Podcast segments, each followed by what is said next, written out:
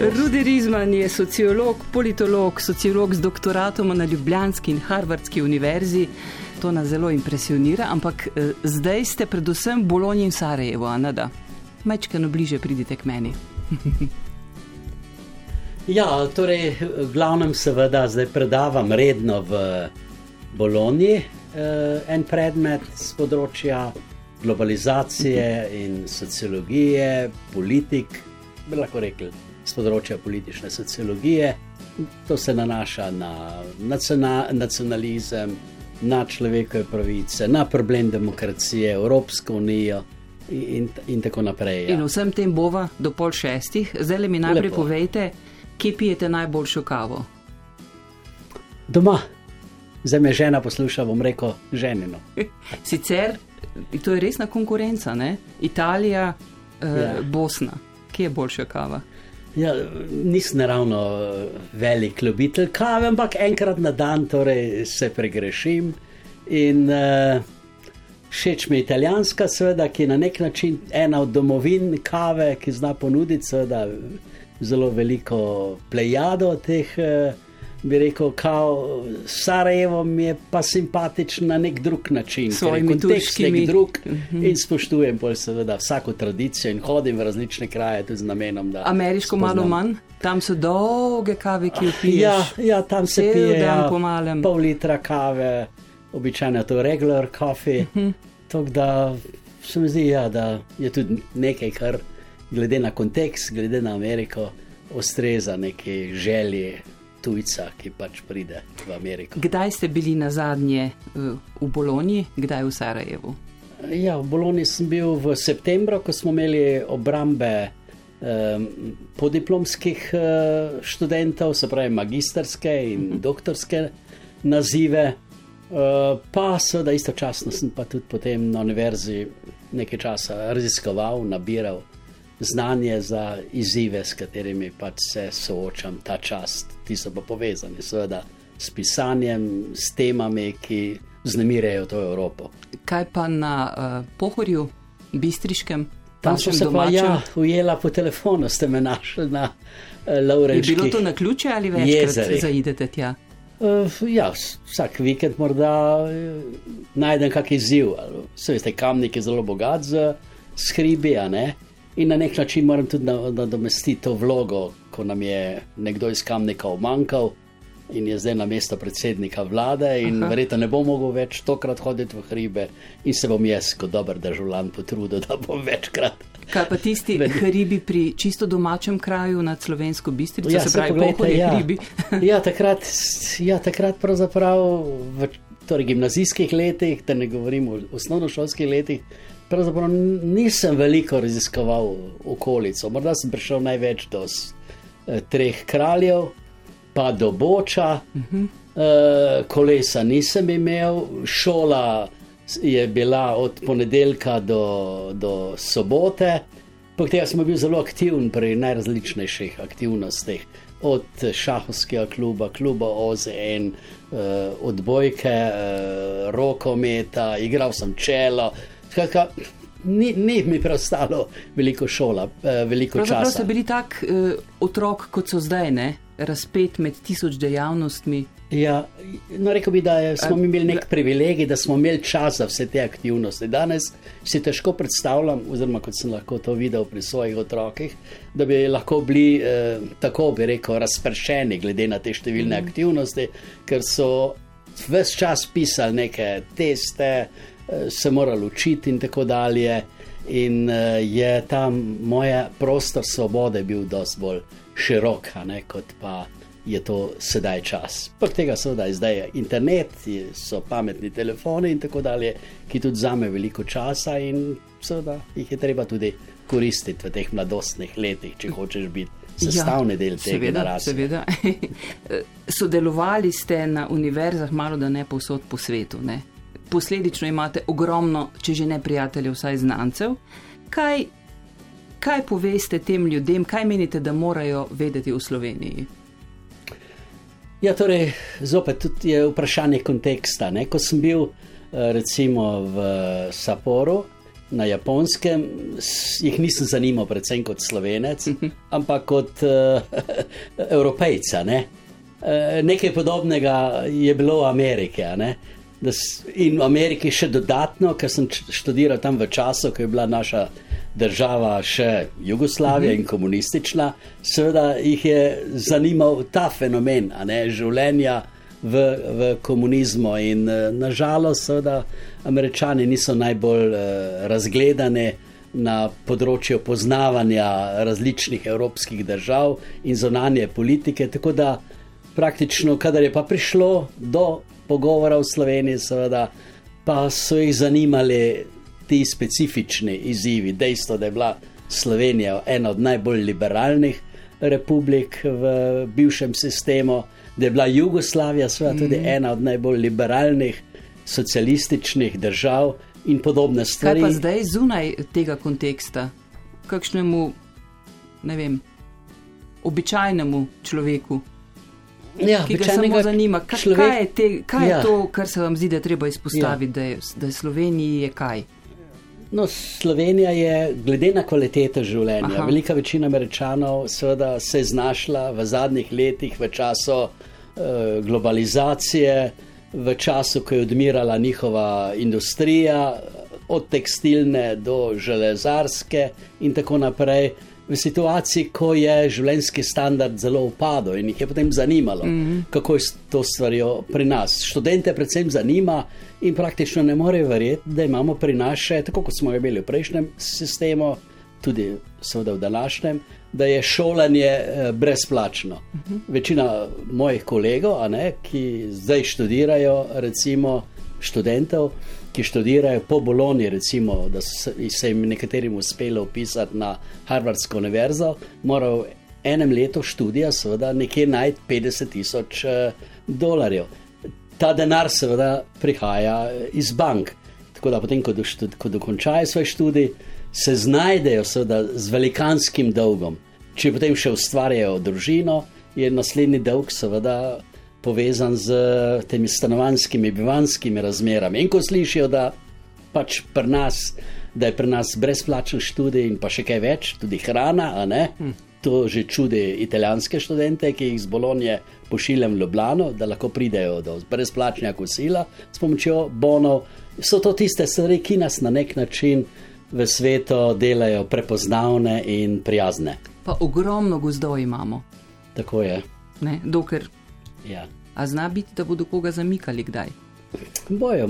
Nekaj mojim prijateljem sem že povedal, da, da imamo na, na rogli priložnost, da z vrha smrek, da opazujemo vrhove smrek z razdalje nek, nekaj metrov. Kot veste, so tam zgradili bi rekel, te, uh, kako bi jim rekel, uh, stopnišča, uh, torej z lesom obložili uh -huh. uh, te stopnice in se lahko giblješ na višini smrek, kar je neka dodatna vrednost, da gost spoznaš nekoliko. Od bližje, ne od, zgor, od spode na zgor, ampak od zgore na vzdolj, kar je zopet neka druga perspektiva. Rudi Rizman je sopotnik na valu 202 z nami do pol šestih, kakšno kavo pa to zdaj bi? Pravzaprav že imam tu vodo in lahko, če boste vi se pridružili.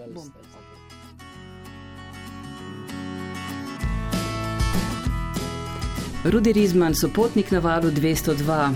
Harvard, Washington, London, Toronto, Kalifornija, Seattle, Regensburg, Berlin, Dunaj, Gradec, Pariz, v Jeruzalemu, Saporo, Praga, Zagreb, Beograd, Krakov, pa še. To ja. vam je vse domače, ne? Ja, ja.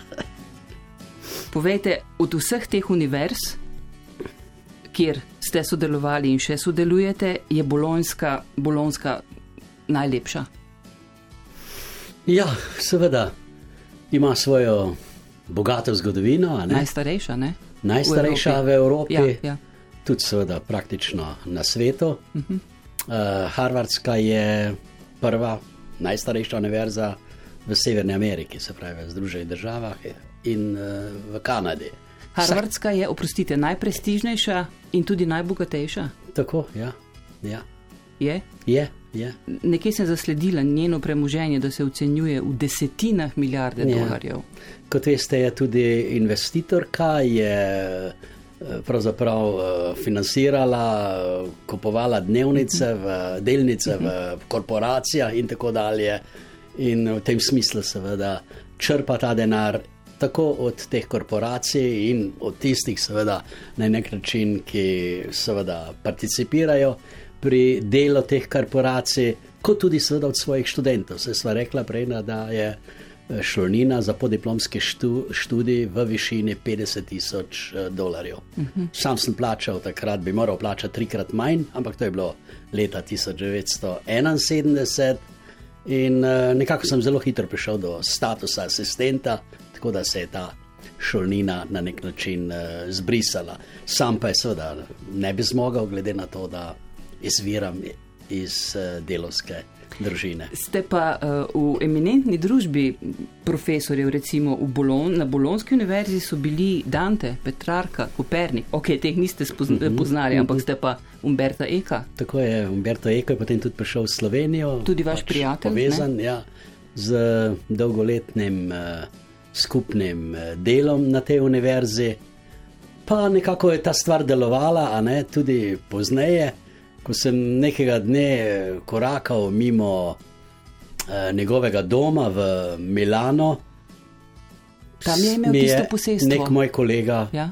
ki je ravno spremljal novice na internetu, na pametnem telefonu, sporočil, da je ravno pred nekaj urami Ojej, moj prijatelj umrl. To je bilo nekaj let Težko si nazaj, ne? predstavljam, kako se je zgodila ta koincidenca. Mm. Uh, glede na to, veste, da nisem vsak dan v, v Milano, niti ne vsako leto, pa sem vendarle takrat nekje bil, bi rekel, kakih 20 metrov oddaljen od uh, prostora, v, kateri so, v, v katerem se je zavedno poslovil. Star je bil koliko? Star je bil okrog 80 let. A je bila njegova pisarna, tista renesančna? Uh, Ne, to je pa imel tam, kjer ima uh, svoj vikend v, na drugem koncu. Ste bili kdaj tam? Bil sem ja, tudi sem videl njegovo knjižnico, verjetno je ta knjižnica ena od uh, najbogatejših, ki, s katerimi razpolaga nek uh, profesor. Uh -huh. In uh, moram reči, seveda, da sem se v nekem trenutku uh, spomnil, ali sem si predstavljal, da sem se znašel v Harvardski knjižnici Weidener, ki je nastala zahvaljujoč, moram reči, da sem tam koristil veliko eh, knjig. Dejstvo, da se je nekdo, sin neke zelo bogate, premožne družine, utopil na, na Titaniku.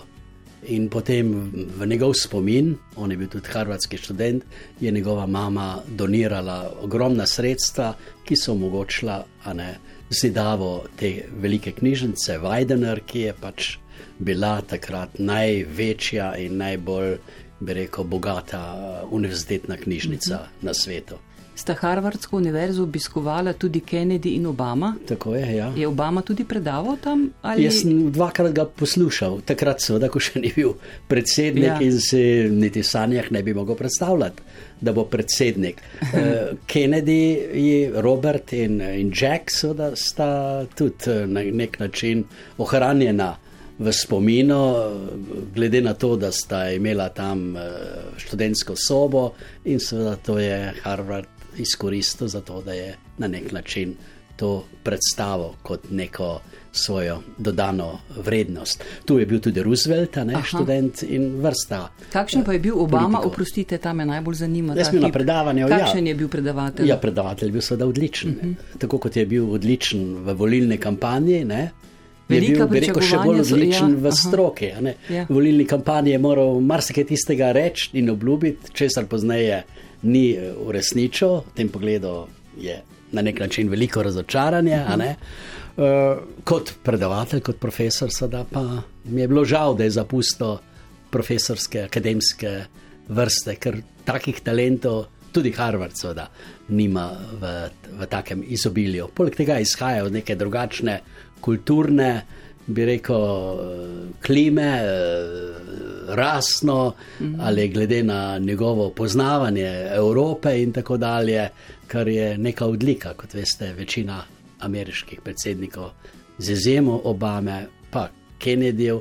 Ampak, seveda nima ravno takih bogatih znanje političnih izkušenj ali bivanja na drugih kontinentih. Je bila pa Nobelova nagrada mogoče mečkena napaka? Ja, Nobelova, Nobelova inštitucija je naredila kar nekaj teh, teh ja. napak. Ne? Bi rekel, že v samem eh, jedru ali pri samem rojstvu Nobelove nagrade. Kaj je, je bilo s tem? Zraven Nobel, ki je izumil sodnik, eh, smodnik. Ampak je on res napisal v oporoki, da morajo. Eh, nekdo je demantiral to, ja. pa nisem imela toliko časa, ja. da bi preverila, ali mi vi pomagate, da je Nobel v oporoki eh, pač zahteval in prenesel nagrado in Nobelova fundacija zdaj uh, to izpolnjuje, kot da ni bilo res, kot da ni bilo to v Nobelovi oporoki. Mislim, da to bi dvomo. Mislim, da je bila to oporoka. Problem je v tem, seveda, da je prišlo potem do podeljevanja teh nagrad ljudem, ki si jih uh, ne to bi ja, zaslužili. Ja. V nekem trenutku se veste, tudi Hitler. Ja. Hitler bil na seznamu. No, je ni dobil, ampak ko je potem dobil Kissinger, pa smo seveda takoj, bi rekel, pomislili, da je to nekdo, se spomnili, da je nekdo, ki je bil med odgovornimi za Vietnamsko vojno, ki, kjer je na bojiščih ne, ali pa v mestih, v vseh, v, v gozdovih ostalo, seveda ali umrlo, bilo pobitih dobre 3 milijone ljudi in 55 tisoč mladih ameriških življenj. Vi ste predlagali Snowdna, ja, skupino skandinavskih. Res je. Ja. Uh, ste še koga predlagali? Predlagali smo do tega predloga. Ja, tudi Los Angeles, za Los Angeles smo zbirali uh eh, -huh. Mhm. podpise in to je na nek način nekje odmevalo.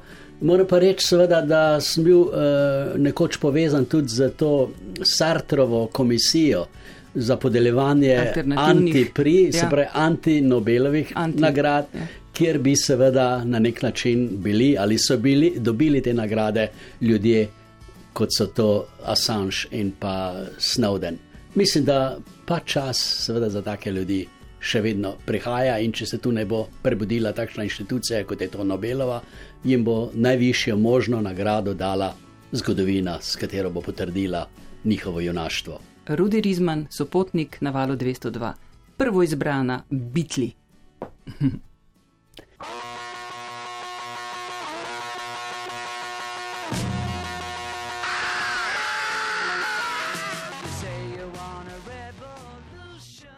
Rudi Rizman, a ste bitle poslušali na farmi v Veliki Britaniji? Tako, tako je, ja. Takrat sem uh, z avtoštopom, mojim prijateljem, profesorjem obkojenim že filozofije na, na Poljanski gimnaziji, Walterjem Montalnom, šel, oziroma smo štopali do, do Londona in potem naprej do neke farme, kjer sva obirala fižol.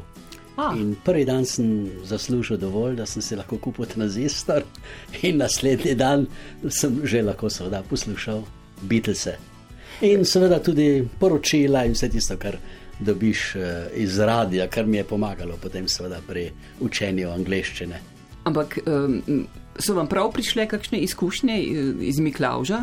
Tam pa, ste gotovo, imeli, ja, ne, ja, da ste fižol ja, znali ubirati? Ja, ni imel teh izkušenj, tako ja, da ste mu pomagali. Prvi dan, ja, tako, prvi dan mi je uspelo nabrati uh, 12 vreč fižola, on se je potekopal do, do 4, uh, tako da je tudi on potem počasi napredoval in uh, Dvan... Skupaj smo združili včasih energije, da smo upravičili, ali pa da je on upravičil, se veste, to, da smo lahko zastojni spali, prebivali v neki baraki in seveda hrano, tudi ki smo jo dobili zastojni. 12 vreč fižola je enako enemu tranzistorju.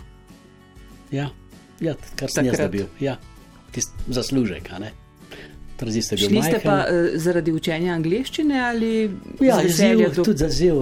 Velika Britanija takrat, uh, za razliko od današnjega dne, uh mhm, -huh, je bil uh mhm. nek izziv. Ne, da, potem smo seveda zaslužili dovolj, da smo tudi potovala po Veliki Britaniji, da so se ogledala recimo Oxford, rojstno mesto Williama Shakespearea, še prej seveda podrobno London.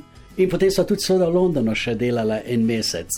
Sva delala, kako bi rekel, v neki socialni službi, kjer sva skrbela za raznašanje hrane ljudem, seveda, ki so bili v takih letih, da si tega niso mogli doma sami privoščiti. Prva se je že zelo zgodaj vleklo, ne? zdaj ste pa bolj ali manj, koliko, 30-40 let na poti, ne? Na Tako, letališčih, ja, ja. kako pa te varnostne zadeve postajajo obremenjujoče za vas ali ste se jih popolnoma navadili? Ja, ne vem, kakih posebnih problemov tu nisem imel. Sodeloval sem v kakšnih eh, takih subverzivnih, podnarekovaj, seveda, mednarodnih aktivnostih, kot je bilo to raslo sodišče, ki je, bilo, ki je delovalo na področju, kako bi rekel, eh, obtoževanja Združenih držav Amerike, da kršijo mednarodno pravo v primeru Vietnama. Vietnama. Potem, seveda, tudi v primeru ruske oziroma sovjetske agresije nad Afganistanom 1779. leta. Tudi smo se pač zamerili, ne? Ja, ne ja. glede na to, kakšen ideološki predznak, če lahko temu tako rečemo, je imela neka država. Tako da seveda zato obstajajo določene službe, ki, ki v vseh državah, ki spremljajo tvojo aktivnost in lahko od časa do časa seveda zaznaš njihovo kako bi rekel, aktivnost na tem pogledu. Kako recimo v Cambridgeu. Aktivnosti? Ja, v Cambridgeu recimo sem stanoval uh, tik ob uh, tej študentski stolpnici, v naslednji je bila hčerka od uh, nekdanjega predsednika Združenih držav Amerike, Richarda Nixona, ki so ji v tistem času različna skrajna gibanja grozila. Tako da praktično vsi tisti, ki smo na nek način imeli neke povezave s kakšnim Čomskim, ki je ja, bil recimo ja. velik kritik eh, ameriške vojne v Vietnamu, pa tujci, seveda je razumljivo, da smo bili na nek način eh, predmet eh, opazovanja. Tako da včasih se je zgodilo po noči, da so te pač poklicali po telefonu in Aha, te ti sklicali, da preverijo, ali si doma. Ampak potem, ko sem bil enkrat v Moskvo, v času, ja. ko je bilo še Sovjetska zveza obstajala, seveda si lahko zasledil podobne aktivnosti. Pa pozneje, ko sem bil v, v Litvi, glede na to, da sem se v, v Vilni, ko sem se ukvarjal z nacionalnim vprašanjem in me tam zanimalo to vprašanje, in sem tudi, seveda, na nek način tako v Litvi zastavljal ta vprašanja o možnostih, eh, pa željah. Eh, Litvancev, da bi prišli do svoje države, postal seveda razumljivo predmet eh, pozornosti. Kako ste pa s Čomskim kje se je ta človek, kako se je družil z vami, se je kaj skrival? Ne, ne ni se, bila sva skupaj tudi na kakšnih demonstracijah. A tam so se spoznala, 96. leta, Aha, ja, preko proti, ja. DDR-a, uh mhm. -huh. potem bil je član raslega sodišča. Ampak njemu so začelo... sledili in se ja, se, se v tem obstajajo zdaj podatke. V Ameriki obstajajo zakone, ne, eh, ki omogočajo, da prideš do teh eh, podatkov. Uh mhm. -huh. Seveda so zasledovali, spremljali v vseh državah je tako, tega ne upravičujem, ampak uh, omenjam kot uh, nujno zlo ali pa zlo, ki spremlja vse države. Tako je bilo tudi z našim rojakom Lujem Adamičem in tako dalje. In vrsto drugih, seveda, sindikalnih voditeljev. Na koncu konca, seveda, so zasledovali tudi Roberta in uh, in eh, Jacka Kennedyja, Jane Fonda, ki jo tudi poznam, seveda iz razloga razsodišča.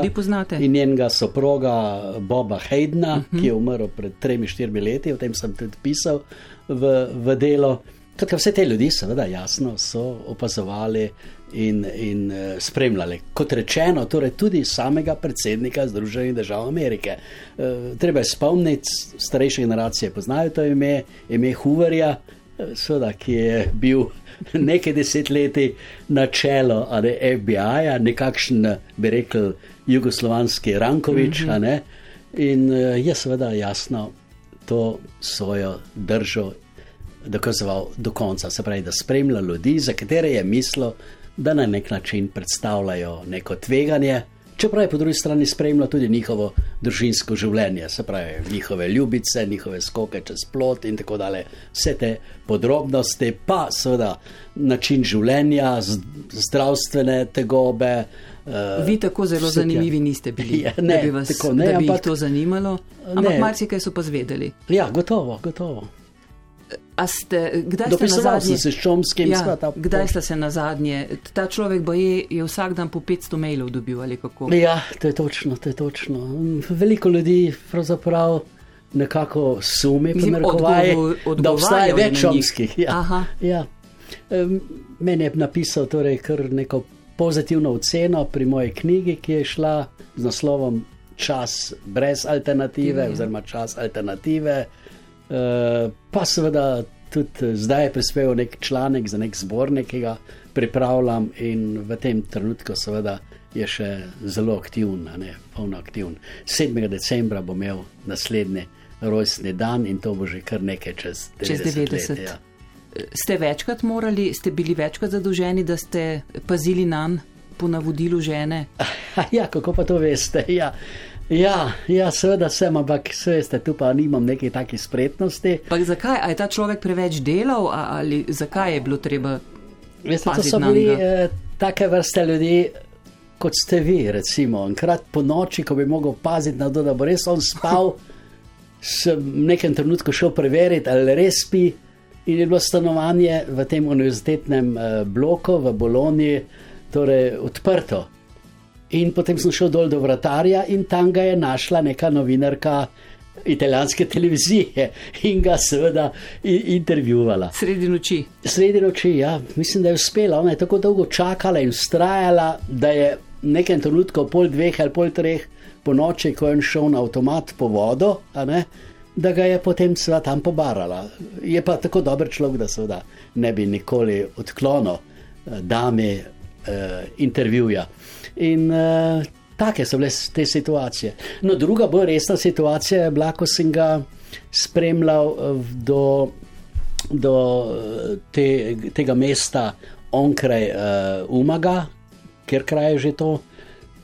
Še malo naprej od Umaga, skratka, tam je imel neko predavanje, predstavitev in uh, takrat je prišlo tudi do resnih grožnj, skrajnih. Uh, bi rekel, hrvaških desničarjev, ki so na nek način seveda poskušali Čomskega označiti kot nekoga, ki da je podpiral eh, torej, eh, Miloševičev eh, režim.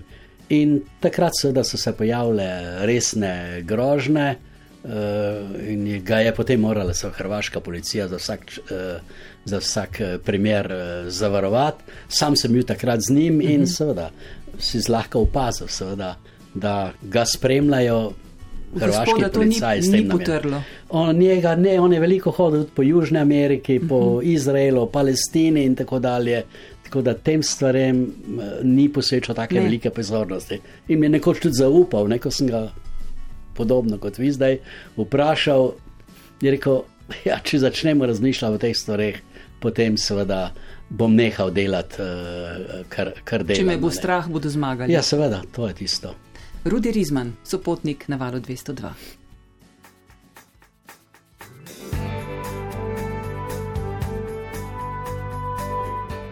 Bruce Springsteen.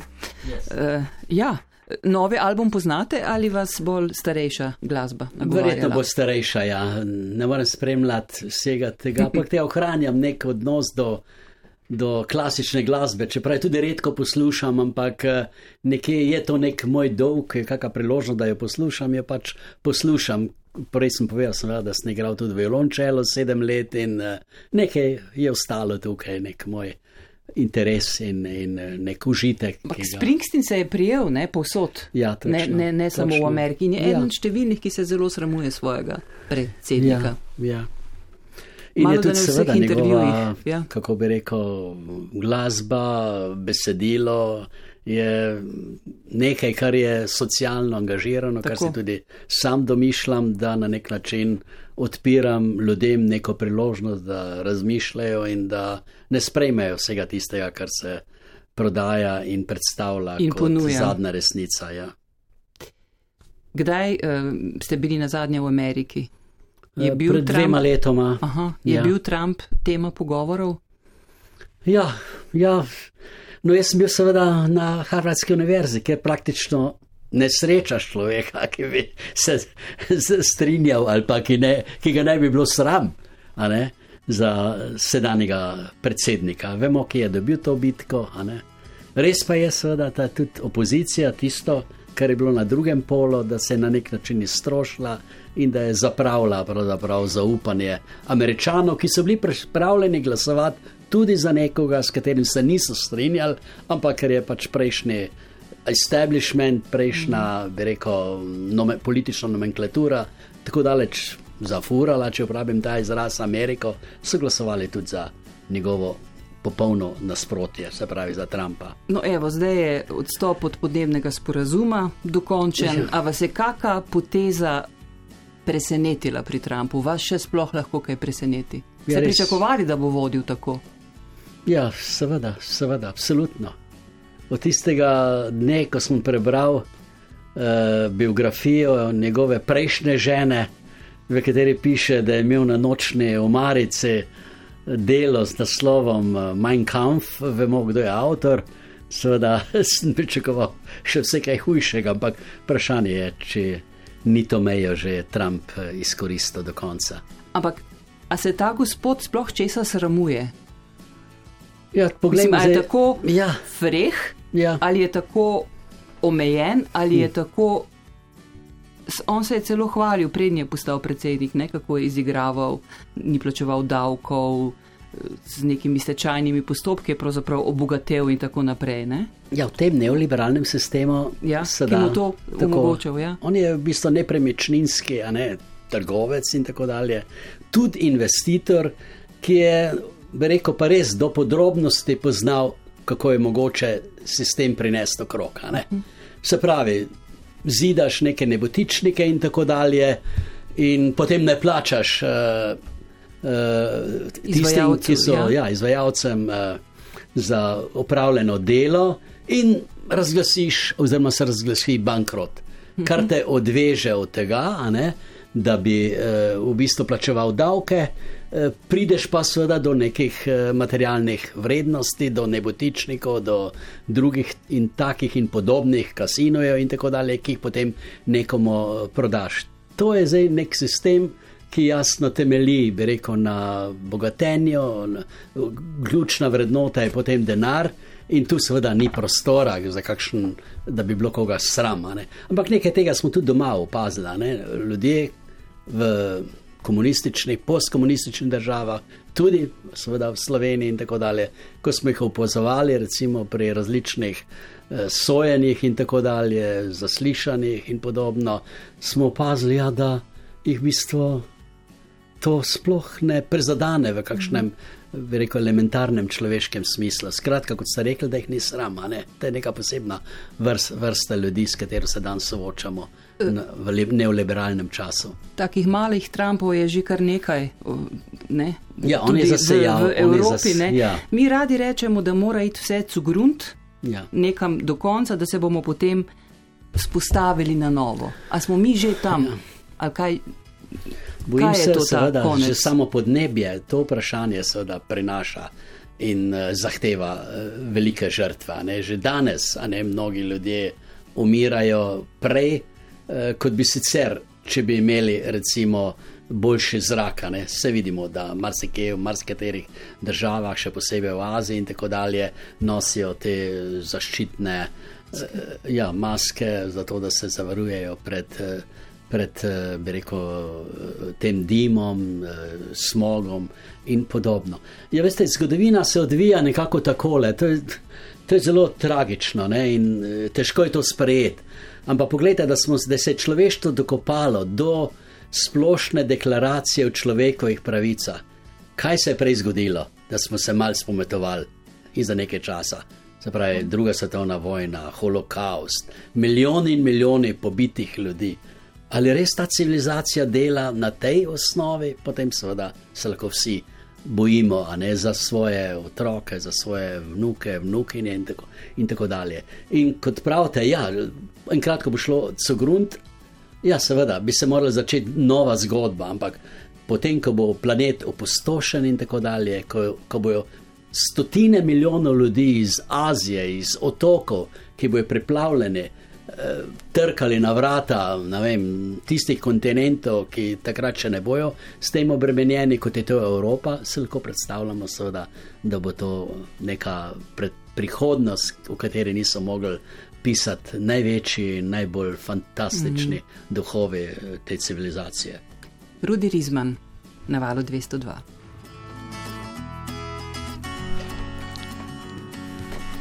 Rudi Rizman, sociolog, nekdani redni profesor na Ljubljanski filozofski fakulteti, vas je Zujf odnesel, če se lepo izrazim. Pravzaprav je bila to neke vrste nagrada, ker sem na ta način lahko sprostil svoje aktivnosti v Bologni in uh, za pisanje, in, in za naravo, in, in tako dalje. Niste, imeli, niste bili v nobeni stiski? Ne, ker... ne izzivo je veliko in uh, želja, da bi kje delal, in tako dalje, da bi predaval v svetu, je pravzaprav dosti več kot jih lahko jaz, skromen človek, samo 365 dnevi na leto in z nič dopusta, uh, torej zagrabim. Dajte še enkrat povedati, koliko dopusta? Nič dopusta, nimam več. No, ampak si ga vzamete. A seveda, ja, 365 to, to me je pa zaskrbelo. Ja, ja, ja, ja. lahko popolnoma razpolagam. In vzamete si šalim. popoln dopust. Tako je. Od nekdaj to počnete? Dopust univerzitetni poklic je res tak, da ti omogoča tu neko veliko fleksibilnost, se pravi veliko dela, pa tudi veliko prostega časa, odvisno je, kako si učinkovit, kako se znaš organizirati, da potem še vedno najdeš čas za tisto, kar ni povezano strogo z poklicnimi uh, motivi.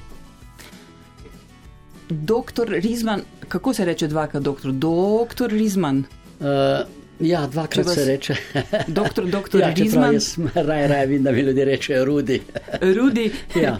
kaj menite, se bo Evropska unija okrepila ali bo obnemogla v prihodnosti. Ja, zdaj je že vprašanje, če ni ta odločitev že padla. Ne? Po Lizbonski pogodbi, to je pa že kar nekaj časa, ja.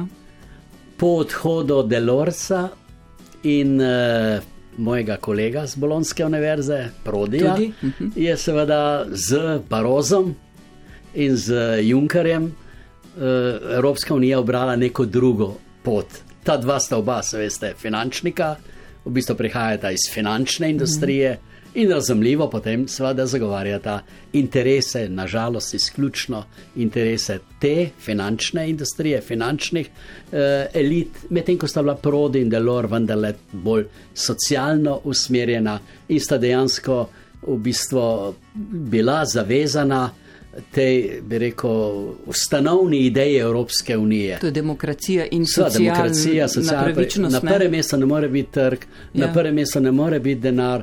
Nekaj podobnega, kot velja to za naša življenja. Če naša življenja podredimo samo eh, tekmovanju, a ne do, do skrajnosti, eh, pridobivano denarja, kjer nikoli ni mej. To je, se veste, podoben problem, kot je lahko problem z drogami in, alkohol, in alkoholom potem seveda se tu pišejo neki slabi časi za posameznika in za, in za uh, skupnost. Tako da je seveda Evropska unija v tem trenutku, bi rekel, v neki slabi kondiciji, je na nek način opustila to svojo ustanovitveno zapuščino. In uh, je pa na drugi strani, seveda, še vedno boljša alternativa kot tistega, od tistega, kar vidimo, da se dogaja danes z Rusijo, mhm. vladavino oligarhov in avtokratov, z Mačarsko, z Združenimi državami Amerike, z Turčijo in tako dalje, da ne naštevam naprej. A hočete reči, da je vsakršna Evropska unija boljša kot slaba? A sem to prav vprašala?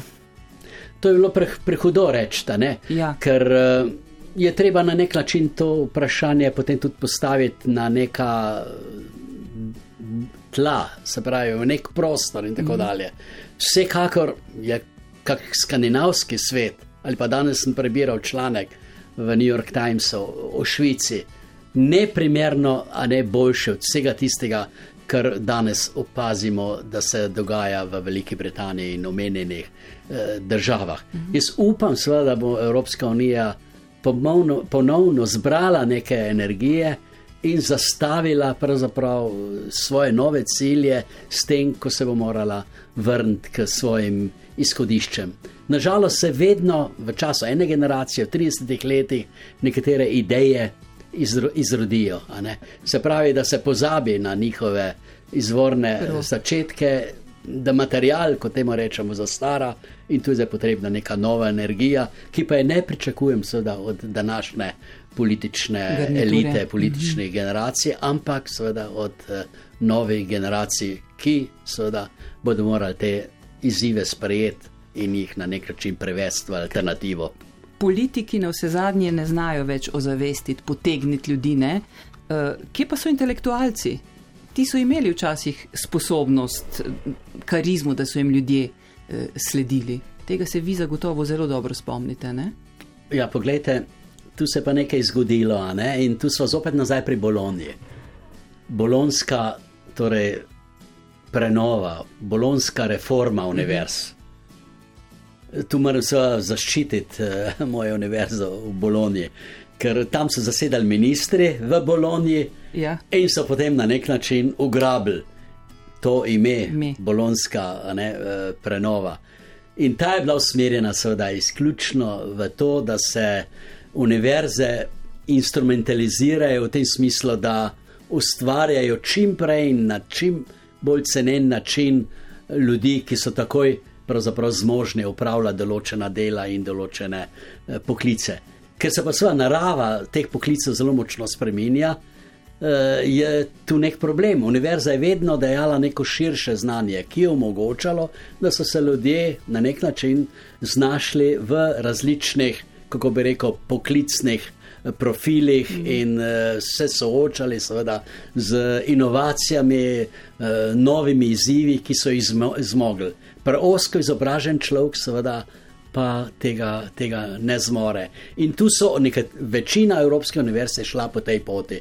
Nekatere med njimi, seveda, Upsala, eh, recimo Sorbona, Bologna, pa vendarle so ohranile neko svojo, bi rekel, eh, nek svoj akademski. Pedigre se niso enostavno prepustile temu, tej politični direktive ali temu političnemu diktatu. diktatu. Mhm. Nažalost, to ni primer z mojo slovensko univerzo in z drugimi univerzami v našem okolju. Odkot sta prihajala Sartre in uh, Simone de Beauvoir? Ja, iz Pariza, torej iz, iz uglednih ja. uh, univerz. Ne?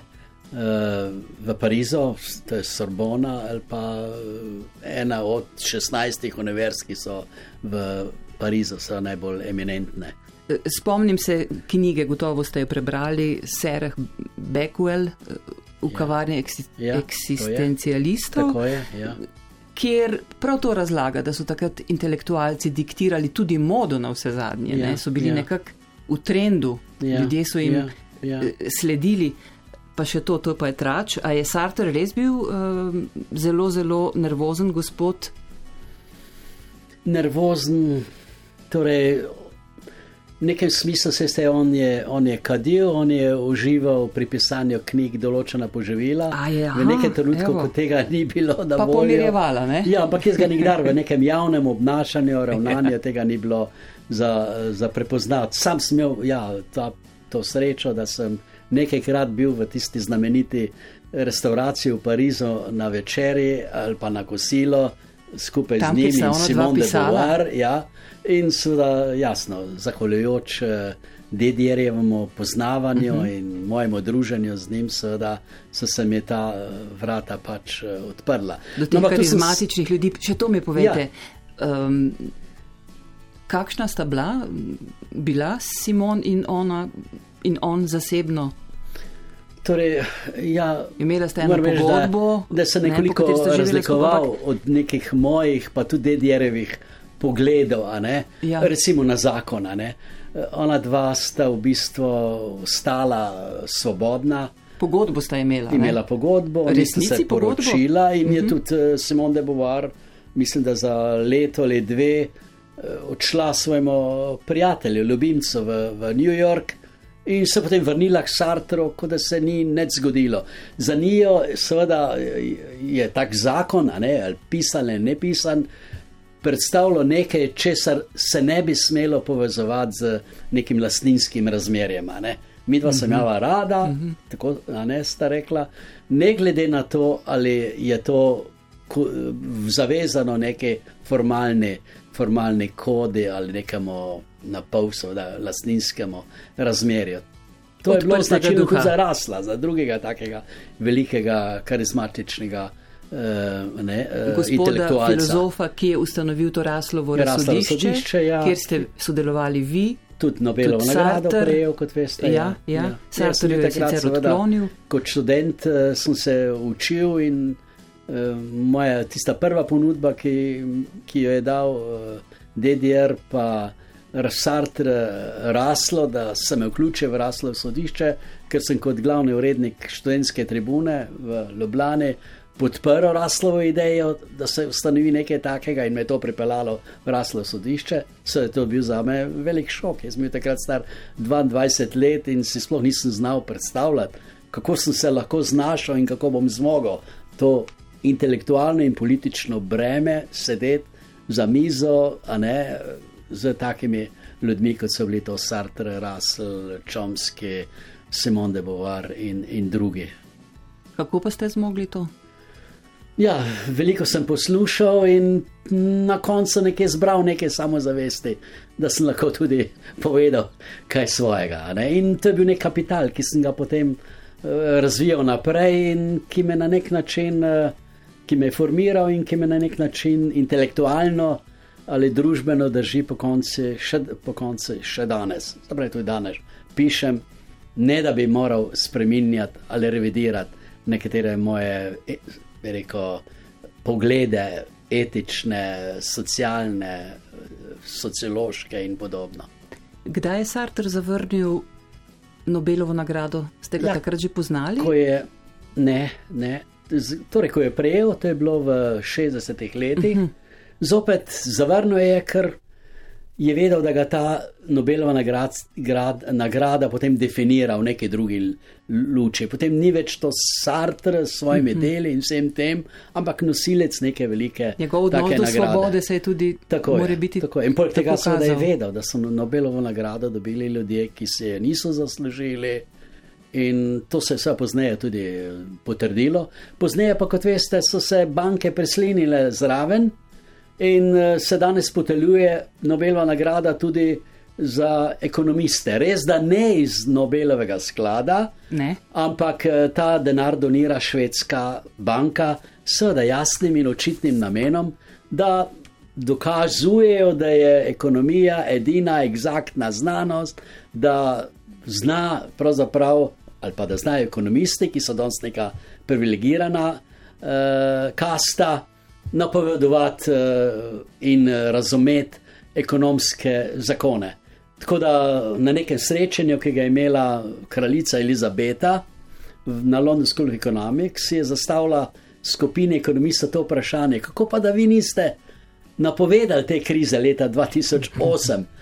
In seveda nihče ni znal odgovoriti. Bilo jih je sram, kajti uh, številni ekonomisti iz tega neoliberalnega Eh, bi rekel, ideološkega eh, eh, kozmosa, so na nek način ali pa direktno zagovarjali, da se kriza sploh ne more, more. več pojaviti, ker ekonomska veda, tako kot fizika, razpolaga z eksaktnimi zakoni in poznavanjem ekonomskega življenja. To je bil velik poraz ekonomije, ampak od tega se Nobelova inštitucija, kot vidimo, ni nič naučila. Doktor, doktor Rizman, a je ostalo kaj tega uporniškega duha v nas, slovencih? Ja, mislim, da pride do nekih preizkušenj, ne? je ta duh na nek način uh, dejavn in uh, na srečo, sveste, kako, kakorkoli smo že kritični do Slovenije, še nismo v neki isti zgodbi, kot so recimo Mačari in Poljaki. Se pravi, da vendarle ta upor nekje obstaja, da, da deluje, ne tako idealno kot v času najhujših preizkušenj, pri katerimi so stali slovenci. Pomislimo na kmečke opore, pomislimo seveda na drugo svetovno vojno, predvsem na OEF in tako dalje. Pomislimo seveda tudi na leto 1948, je, ki je bila tudi neka vrste preokretnica v življenju tega naroda, ali pa v čas, seveda eh, na koncu 80-ih let, eh, ko je počasi dozorevala ideja o samostojni državi. Tako zdaj imamo samostojno državo, vprašanje pa je seveda, koliko to to, bi rekel, ta zgodovinski izdelek eh, uporabljamo v tistem duhu, v katerem so delovale najbolj uporniške generacije slovencev. David Bowie, Heroes. Ja, ja odlično. A ne? Tudi velik občudovalec Noa Čomskega, kot verjetno veste. On, ne, nisem ja, vedel. Večkrat omenil Čomskega kot nek zgled, se pravi, za uporniško držo in inspiracijo za njegovo lastno delo. Ste ga kdaj skupaj poslušali? Ne, to se ne spomnim, lahko da smo ga. Eh, Kadarkoli sem bil pri Čomskem, je bil zelo koncentriran na svoje delo. Po noči, seveda, pa se je pogosto prepustil glasbi skupaj z njegovo ženo, Carol Čomski, pokojno, s katero sta začela svojo skupno, spot, eh, svojo skupno pot na, v Kibucu, v, v Izraelu, v študentskih let, in ki je pa še posebej seveda, bila zvesta, reko, eh, privrženka uh, različnih glas, mislim, nacionalnih uh mhm. -huh. in, in glasbenih zvrsti. Bova mi dva zdaj, bovija skupaj poslušala, prav? Hvala. hvala. Lepa hvala, hvala ker ste bomo prišli. Živo, bomo živo, ja. To je že adijo. Ja, razumem. nothing will keep us together.